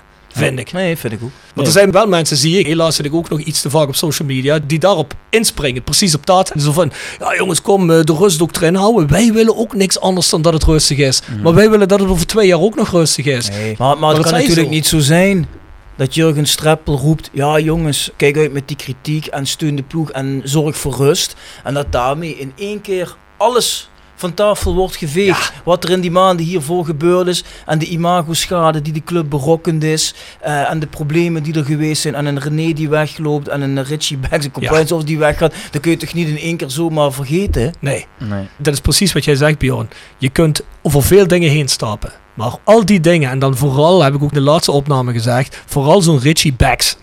Die instaat eigenlijk dat alles goed verloopt. Dat je fundament recht staat. Dat eigenlijk alles waar je mee bezig bent, dat dat correct verloopt. De bestuurlijke wegen. Wie verantwoording en wie heeft af te leggen. Dat dingen correct afgehandeld worden, bestuurlijk, et cetera. Als die zegt, hier klopt niks van, ik ben weg, ik lieer me hier niet meer aan. Dan kun je toch niet gewoon zeggen, ja, jongens, misschien is er helemaal niks aan de hand. Of eh, laten we het lekker rustig houden. Dat is toch een hele grote red flag, zoals ze in het Engels zeggen. Dan moet je toch als normaal denkend mens, als je van zo'n club houdt, wil je daar toch kritiek op hebben. Tuurlijk. Dus ja, ik, en, ik- en, en dan zijn er natuurlijk mensen die beweren dat wij als supporters niet op de stoel van bestuurders mogen zitten en die mensen hun werk moeten laten doen. Daar ben ik het niet mee eens. Althans tot op zekere hoogte niet. Want op het moment als bestuurders gewoon hun taak goed uitoefenen en de club normaal besturen, ja, dan gaan de supporters zich ook niet roeren. Maar pas als bepaalde grenzen worden overschreden, ja, dan mag je als eh, fanatieke supporter opkomen voor je club, lijkt mij. ik zie dat hetzelfde als een regering die niet fatsoenlijk functioneert. Als we het daar niet mee eens zijn, dan gaan we toch ook de straat op. Kijk bijvoorbeeld de situatie met dat DSM gebeuren hier nou in Nederland. Nou, volledig terecht dat er actie tegen wordt gevoerd. Ja. ben ik helemaal voor. Ja. Nou, dan ga je toch de straat op. Ja. Hè? En dan laat je toch niet piepelen. Dat is toch precies zoals het moet. En dat denk ik bij mezelf. Ja, dan kun je ook misschien zeggen. Laat die DSM-bestuurders lekker doen wat ze willen. Hun besturen, daar zit jij niet in. Nou, dat vind ik niet. Ik vind het het grootste recht dat mensen daar op straat gaan en dat ze een schop onder de kont geven. En dan, en dan zijn we in Nederland vaak nog mild. je kijkt bijvoorbeeld naar Frankrijk, wat daar allemaal gaande is met demonstraties. Eigenlijk al jaren dat ze daar al veel verder zijn. Ja, die doen dat toch ook. Ja, omdat ze het ergens niet mee eens zijn. Precies, ik vind dat je best, als jij problemen ziet, moet je. Ik, ik vind dat zelfs een plicht als burger en als fan. Ja. En ik bedoel, dan zijn wij nog een actieve deel. We zijn dan nog de mensen die het meestal het eerste op de barricade staan. Niks afdoen aan alle mensen die niet georganiseerd zijn, helemaal niet. Kom er rustig bij staan. Maar ja, signaleren gewoon het snelste iets. En dan vind ik niet, daar wil ik dan niet voor uitgescheten worden of kritiek op krijgen. Je kunt zeggen, jongens, mooi voor jullie, maar ik doe daar niet aan mee. Hey, alle respect. Helemaal geen probleem mee. En we kregen ook van de week een e-mailtje. En ik hoop toch niet dat dat discussies en scheldpartijen op tribunes gaat leiden. Nou ja, ik zie niet in waarom. Bedoel, als iedereen gewoon kan zeggen, nou jij ziet het anders en wij zien het zo. Dan is het goed, drink je een bier samen, is het fijn. Ik begrijp dat helemaal niet. Daarvan afgezien heb Bjorn, ik weet niet, jij hebt ook in de inbox van de Voice of Calais gekeken. Hè? We krijgen wel regelmatig echt hele lange epistels van mensen in de vorm van een e-mail over waar ze zich wel allemaal zorgen over maken. Dus we zijn lang niet de enige. Nee, natuurlijk niet. Ik bedoel, er zijn een hele hoop mensen die zich uh, zorgen maken. Ik denk, ja, de overgrote meerderheid. Alleen, ja, je kunt over van meningen verschillen. De ene is wat uh, meer actiebereid en de andere is wat uh, leidelijk. Maar uiteindelijk gaat iedereen voor hetzelfde doel. En zoals in het begin gezegd, laat dat één ding voorop staan. Op het moment als er gevoetbald wordt, dan staan wij natuurlijk 100% achter Jurgen Streppel en zijn team. 100%. Ja, en wij zouden zelf persoonlijk niks anders willen dan gewoon sfeer kunnen maken en continu achter dat team staan. We zouden ons niet eens eigenlijk met iets anders bezig willen houden. Ja, ja als je... Nee voelt dat de uh, ja, nood hoog is, dan uh, zet er niks anders op. Section Frietenboot. Gepresenteerd door Herberg de Bernardeshoeve. Weekendje weg in eigen streek? Boek een appartementje en ga heerlijk eten met fantastisch uitzicht in het prachtige Mingersborg bij Marco van Hoogdalem en zijn vrouw Danny. www.bernardeshoeve.nl En Stokgrondverzet uit Simpelveld. Voor al uw graafwerk, van klein tot groot. Onze gravels staan voor u klaar. Tevens worden we gesteund door Wiert's Company. Ben je op zoek naar extra personeel? Contacteer Wiert's Company in het PLS en vraag naar Sean, Mark of Paul. Of ga naar www.wiertz.com. Over voelen gepraat. Bij welke frituursnack voel jij je het beste, Sean? Cito-stick. Een cito-stick? Cito-stick. Wat is dat ook alweer? Het is kalkoenvlees. Ui, met een krokant laagje eromheen. Iets in de frituur dat puur kalkoenvlees is. Geloof kalkoenvlees. Kal is dat kalkoenvlees per se, cito-stick? Ja, dat is kalkoenvlees. Kijk of er echt kalkoenvlees in zit. Geen Weet idee. Je maar het smaakt wel goed. Het smaakt wel goed. Het smaakt wel goed, ja. Ja, ja, vorige week had ik tenminste nog een medestander, een Bart hier, de bijna vegetariër. Ja, maar ik ben wel een vleeseter. Ik ben een vleeseter, maar ik, eigenlijk ben ik altijd zo'n uh, zo'n vetzak bij de frituur, dat ik twee snacks pak. Dus dan wordt het altijd een vleessnack en het liefst een vegetarische snack. Ja? En dan pak ik meestal de kaassoufflé nog erbij. Je, oh, dat is ook lekker. Dan krijg je dan zo'n beetje een slecht gevoel dat je... Nee, maar dat vind ik gewoon lekker. Iets van vlees en iets van kaas. Dat is echt gewoon een heerlijke combinatie. Dat is een lekkere combinatie. Ik snap ook niet dat hij geen vlees eet. Eigenlijk vraag ik me af waarom ik met hem omga. Ja, dat hebben mij trouwens de afgelopen week al meerdere mensen gevraagd. Waarom ga je met die vegetariërs om? Ja, ik zeg ja, jongens, je kunt niet altijd je vrienden uitzoeken. Nee, maar... Sommigen krijg je in de maag gesplitst. Kijk, ja, als, als, als hij vegetariër is, dan is er wel meer vlees voor ons. Dat is waar, ja. Dat is waar. Dat is waar. Iedereen zijn eigen ding. Iedereen zijn eigen ding. The Sound of Calhei. Gepresenteerd door www.gsrmusic.com voor muziek en exclusieve merch van Born From Pain, Madball, Death Before Dishonor, Archangel en nog veel meer. Ga naar www.gsrmusic.com. Tevens worden we gesteund door PC Data Logistics Automation. De partner voor leveren, installeren en onderhouden van geautomatiseerde ordeelverzamelsystemen. Zowel lokaal in kerkraden als globaal over heel de wereld. Ja, zo weet je wat, dan gooi je ook wel meteen een Sound of Calais er doorheen. Zeker. Ik heb uh, naar mijn vorige Sound of Calais uh, een beetje commentaar gekregen. Bij ons ja, in de groep. ja, niemand verwacht van een ultras nee, graden. Nee, Wat was het? Wim Sonneveld? Wim Sonneveld met het dorp, ja. Maar nu uh, wordt het uh, Frank van Etten met Huisje op Wielen. Dat is, uh, is ook een Huisje op Wielen. Frank van Etten? Ja, Frank van Etten, Huisje op Wielen. Heerlijke plaat. Kan ik niet. Nee, daar heb ik nog nooit van gehoord. Oh, ja, dat is binnen onze groep wel echt een plaat die het, die het goed doet. Is het dan is het een houseplaat? Nee, dat is een, is een ja, Nederlandstalige volksmuziek. Dus heb voor de volgende keer ook nog een mooie. Nou, gooi hem gewoon in. Ja? Fuck it. Nou, dan moet ik even zoeken. Ja. Dat ik de goede naam. ja, nee, wacht even. Daarom de volgende keer. Kreeg trouwens van de week de vraag van onze winnares van het boek. Uh, hoe is het ook al? Gertie... Weers. Gertie Weers. Die zegt, ja, wanneer wordt er nog gedrumd met Richard Jensen? Dus ja, nu de oefenruimtes voor open zijn, moet je toch eens een keer met Richard de oefenruimte induiken. Als we dat over muziek hebben. Inderdaad. Ja. Moet je doen. Het is wel een leuke e-mail van Gertie, hè? Ja, ontzettend leuk. En de vrouw van mijn confrère, de vrouw van Frans Niemark, was ook blij met die show-out. Ja. ja, ik vond het vooral mooi aan Gertie dat ze hem gemeenschappelijk luisteren. Luister op, je weet, ik kom graag in Egypte, hè. Dat is mijn favoriete vakantieland. En dan uh, zit ik daar in het hotel met een of andere sheik zitten aan de waterpijp. ja, ja, en dan, uh, dan wordt er altijd gespeeld Punjabi MC Dat, dat was een leuke plaat, ja. Met Knight Rider. Punjabi MC. Ik had van jou iets heel anders verwacht. Punjabi MC Knight Rider. Mooi. Dat is eh, daar echt hardcore in eh, Egypte. Ja? Ja, Punjabi is sowieso wel meer eh, die kanten op een ding. Alright. Ja, goed. Ik heb Ja. geen idee. Ik geloof jullie meteen. Hey, jongens, laten we het heel even hebben over het voetbaltechnische gedeelte. Ja, de competitie is begonnen, dus laten we daar ook iets over zeggen. We willen niet alleen kritiek uit. We hebben net al gezegd, wij staan natuurlijk eh, 100% achter de ploeg, wat er ook maar op bestuurlijk niveau gebeurt. Ja, dat is lekker begin, toch? Ja, ik was echt bang. Dat zei ik ook in die vorige podcast. Dat door het ontslag van Jeffrey. Dat, Ja. eh, dat dat misschien een negatieve invloed had op de selectie. Maar ja, hoe ze dat in een voordeel hebben omgebuigd. Vind ik alleen maar knap. Ik bedoel, eh, 0-3 winnen uit bij de graafschap. Ja, is toch niet niks, hè? En dan zie je dus toch dat dat schijnbaar zo werkt. Wat Jeffrey ook zegt, of eh, Jurgen moet ik zeggen. Dat als je een beetje ingespeeld team hebt, dat je daar nu de vruchten van plukt. Dus ja, Ja, ook mooi trouwens dat de spelers wel in de interviews naar de hand wel allemaal voor Jeffrey opnamen. Nou ja. Ja, ja dat, ja, dat is echt genoeg. een speler moet er natuurlijk ook niet te lang over doorgaan, want je moet uiteindelijk gewoon gaan voetballen. Maar Tuurlijk. het zegt wel iets dat ze er eh, ja, iets over zeggen. Dat ze überhaupt er iets over zeggen. En ja, 0-3 eh, uitwinnen bij de graafschap in de staat wat we, waar we nu zitten.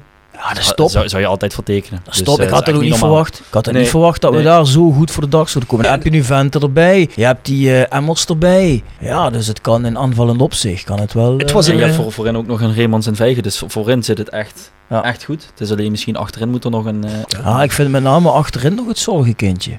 Kent iemand van jullie die verdediger van Alemannia Aken? eh, die Alexander Heins of zo? Ja, volgens mij aanvoerder daar toch? Ja. Ik heb gehoord dat het een, een, hele aardige kerel is. Dat is wat ik heb gehoord. Die, die Sean Kring zit te grinniken. Nou, Sean, dat- vertel het maar. Ja, ik, ik heb gehoord dat het een voetballer is die gewoon van een biertje houdt en van gezelligheid. Maar wel gewoon Oké. en een prima kerel is. En, ja, en in hoeverre hij voetballende kwaliteiten heeft, geen idee. Daar, eh, maar dat is wat ik eh, zo heb begrepen van... eh, Dus je bedoelt, hij leeft het profleven niet zo. Oh, nee, nee, dat niet. Dat, maar ik bedoel meer, ik bedoel meer van dat het gewoon een gezellig persoon is. Dus wel zo iemand die... Hij is toch aanvoerder Ja. Ja, Ja, dus het, is- het is Ja, dan ja. wel iemand die zich dan ook onder de supporters zou kunnen mengen, om het zo te ik zeggen. las wat mensen bij, eh, of online die dan riepen dat hij het bij Alemannia super deed. Maar Ja. ik kan dat moeilijk inschatten Ik in hoeverre dat voor de keukenkampioen-divisie dan Ik- een goede is. Ik keek voorheen redelijk vaak naar Alemannia, maar door corona heb ik niks gezien eigenlijk. Ja. Nee, die heeft al wel Dus- jaren gespeeld. Ja, Ja, je bent natuurlijk niet voor niks aanvoerder bij zo'n team. Hè? nee. Maar goed, ik, ja, je zult op dat... Dat las ik ook ergens, iemand van ja, dat niveau, eh, wat moet hij dan bij Roda? Terwijl ik denk naar de regionalliga, zeker die verdedigers. Dat zijn juist harde kerels Ja, die, eh, zeker.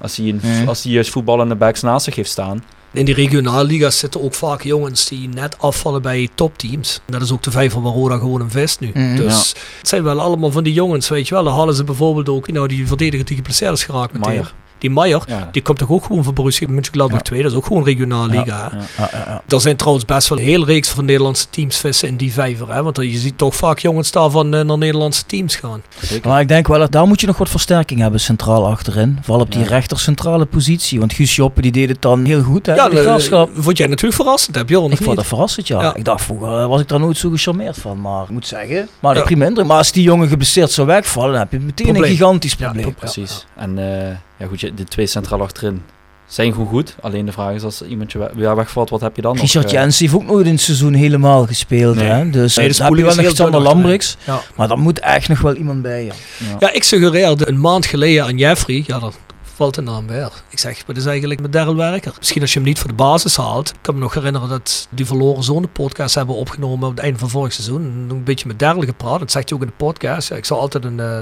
aanbieding van Roda overwegen. Is naar de Griekenland geweest. Volgens mij zit hij er niet meer. Want hij zat volgens mij niet meer bij de selectie toen ik online keek. Dus ja, misschien zoekt Daryl ook nog wel naar iets. Ik bedoel, Daryl kun je er goed bij hebben, denk ik. Zeker na een jaartje buitenland. Misschien iets volwassener wel geworden. ja, ik hoop dan wel vooral dat hij wat harder is geworden. Want daar schroomde het nog wel eens bij hem. Ja, ik kan me voorstellen dat je bij Santi in de tweede divisie in Griekenland, dat het niet al te zacht is. Maar heeft hij daar wel überhaupt nog een contract? Want ik dacht dat hij... Volgens mij heeft hij hij op wel. transfermarkt als zonder club. ja, Ja, omdat, die, omdat ze niet zijn gepromoveerd of zoiets. Ja, of, ik weet het precies. niet. eh. Maar ik heb niet de indruk dat Jeffrey en, en op dit moment Jurgen daar harder aan trekt. Nee, dat, Want anders eh, niet. was je er Nee, al geweest. Dat denk ik ook niet.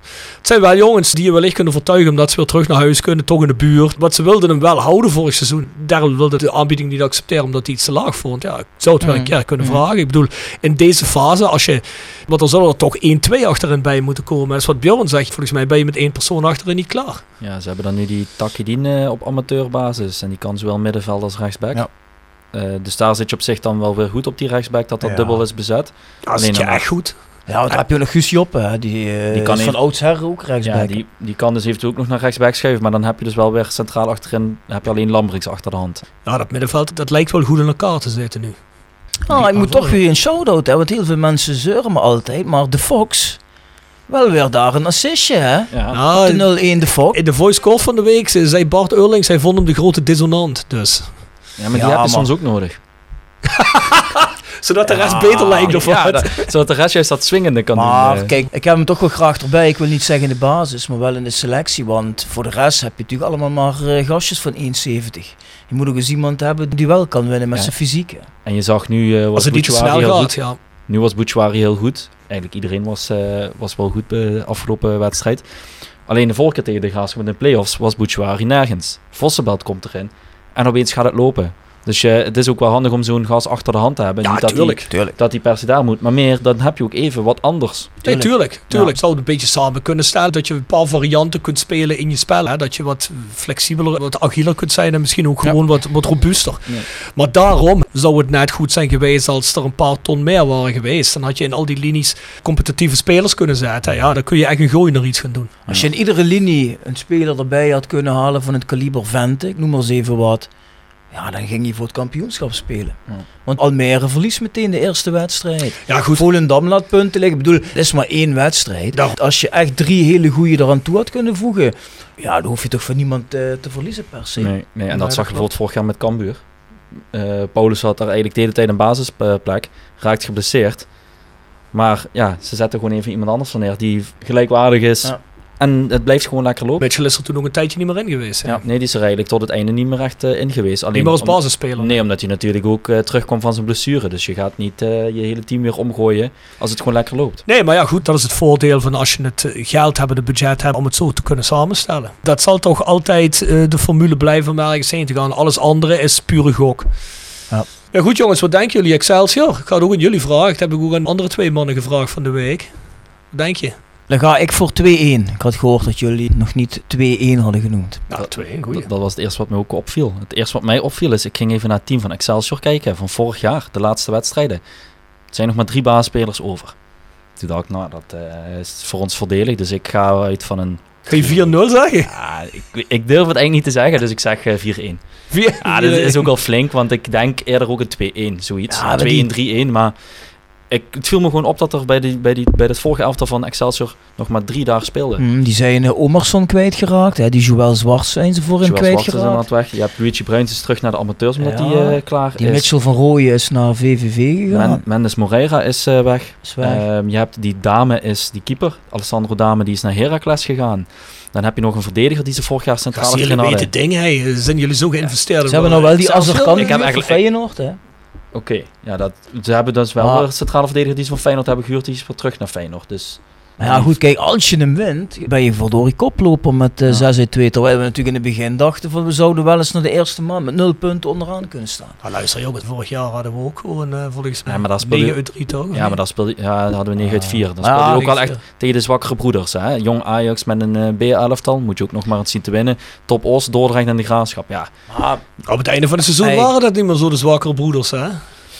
Nee, maar, het blijft wel de keukenkampioen divisie. Hè. Dus je kunt uit bij de graafschap winnen en dan denk je van goh, we zijn top. En dan kun je een week later zomaar thuis van Excelsior verliezen. Tuurlijk. Dus of dan win je, van Tel, of win je dadelijk van Excelsior en eh, krijg je weer 4-0 op de kloten bij Telstar of zo. Omdat die eh, een of andere tactische Ja. meester zou doen, Ja. waardoor je opeens... eh, ja, ja, ja. Dus tegen de lamp loopt. Het is, nog, is nog wat te snel om nu al te zeggen Ah, van ja. eh, we zijn een topploeg.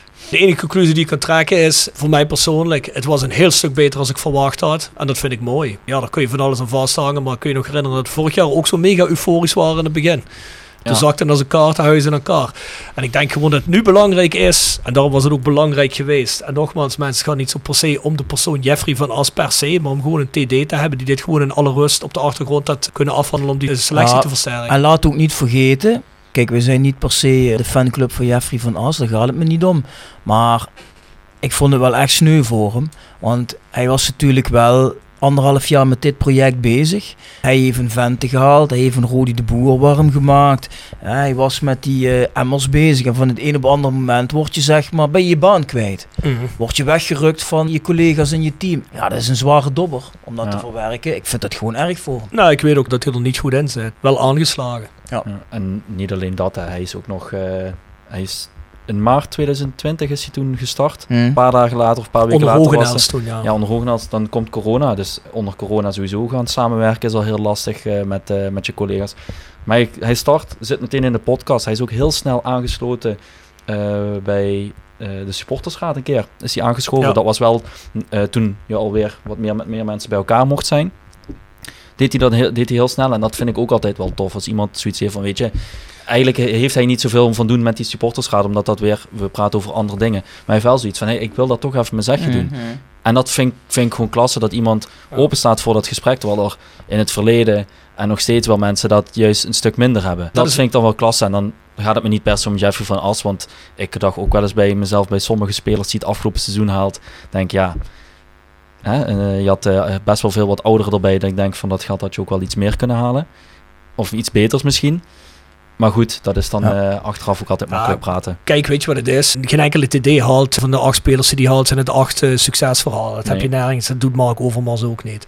Maar kijk, en dat is precies de punten die jij aanhaalt, hè, waarom Jeffrey bij ons op zoveel sympathie kan rekenen. Dat is niet om het een of ander. Jeffrey, Jeffrey betaalt ons niks. Jeffrey doet niks. Ik zit niet op zo'n niveau met Jeffrey dat ik een vriend van Jeffrey ben. Ik vond het gewoon een breath of fresh air. Ik vond het echt fantastisch dat die gast meteen bij Bjorn en mij kwam zitten. En niet per se omdat wij het zijn. Nee, dat heeft tot nu toe niemand gedaan. We kunnen ons nog eh, Jean-Paul de Jong herinneren. Weet je Jean-Paul de Jong lang heeft gezegd? Dag, ga niet bij die gasten zitten. Doe ik niet, begin ik niet aan. Dan heb je Jeffrey die bij jullie komt zitten, die overal open voor stond. Zeker was Jeffrey direct en zeker viel dat niet goed bij mensen. En zeker had Jeffrey kritiek op mensen die kritiek op hem wilden hebben en dan zelf niks bewezen hadden. In het geval van Martijn Wismans en Joop Jansen zeker.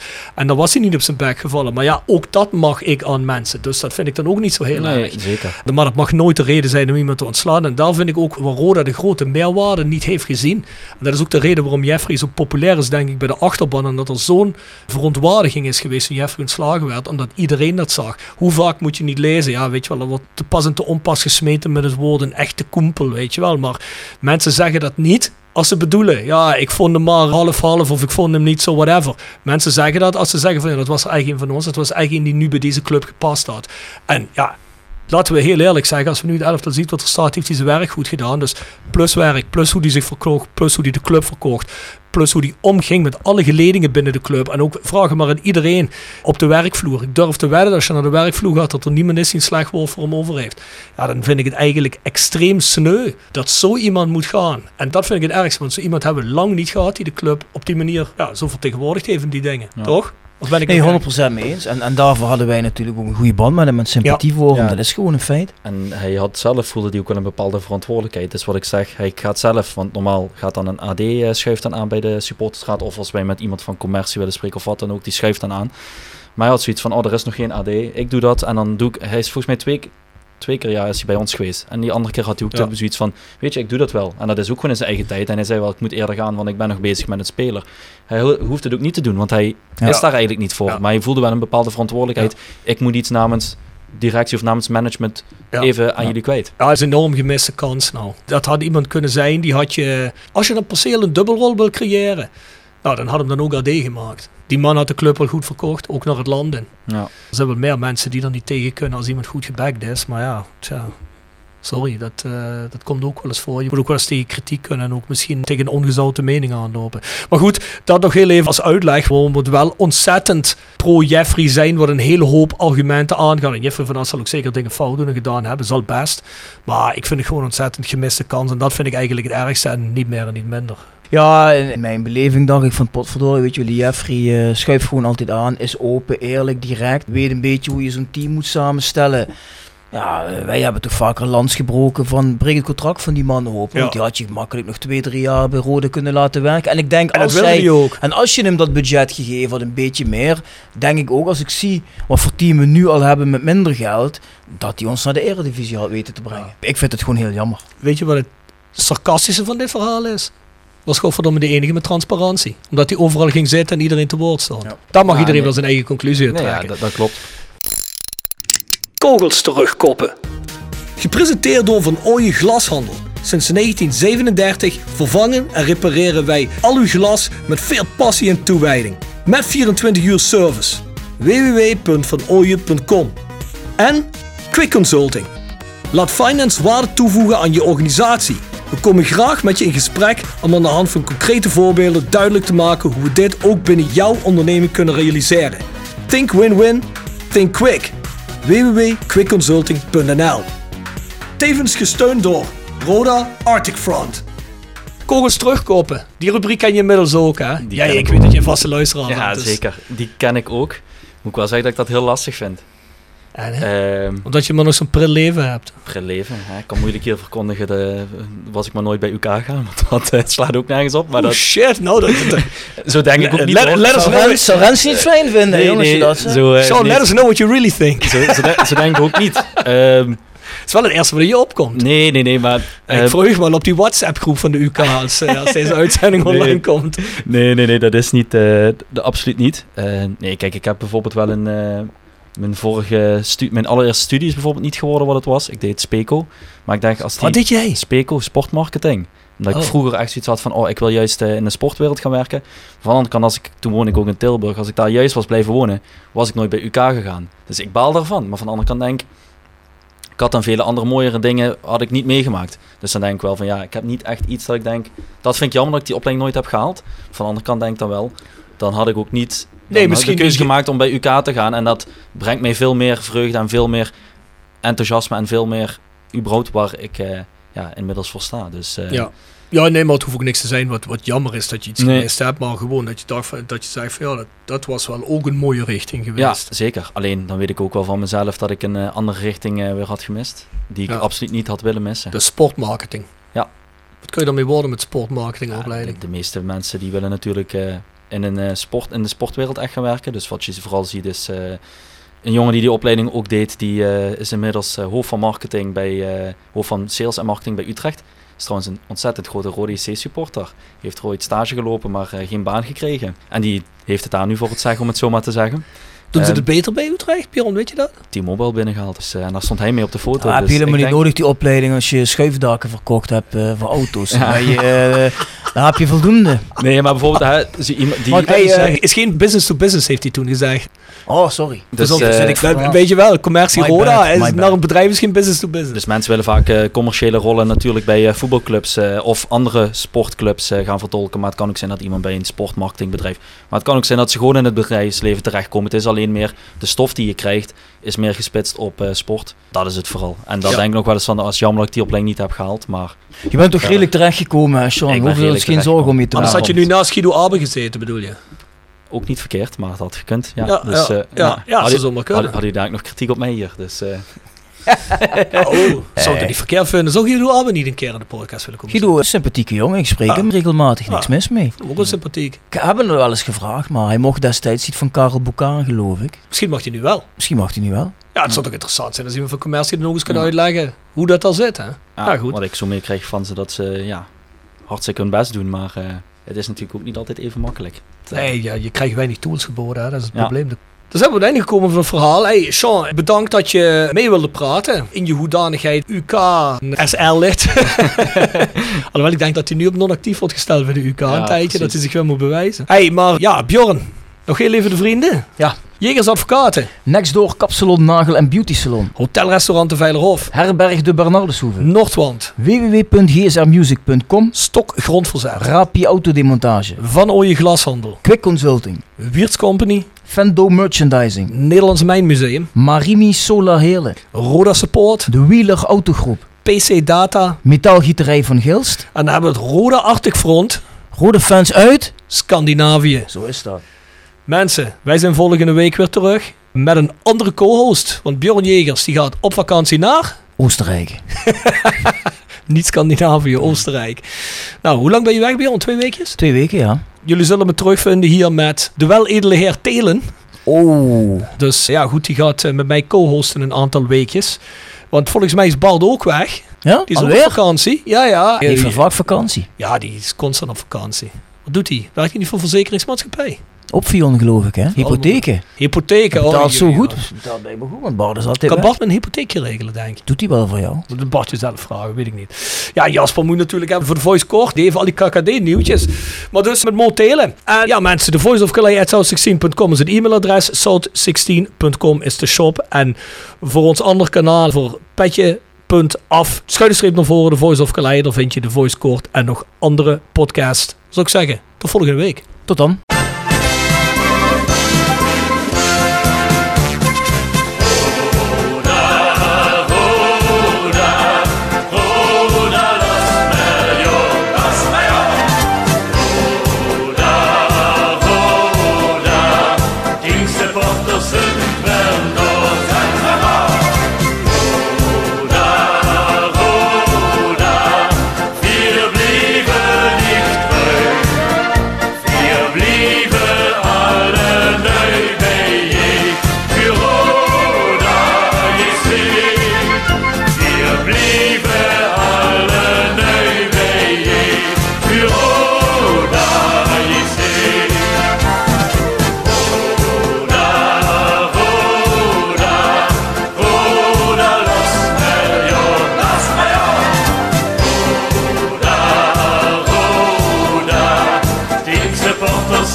Jongen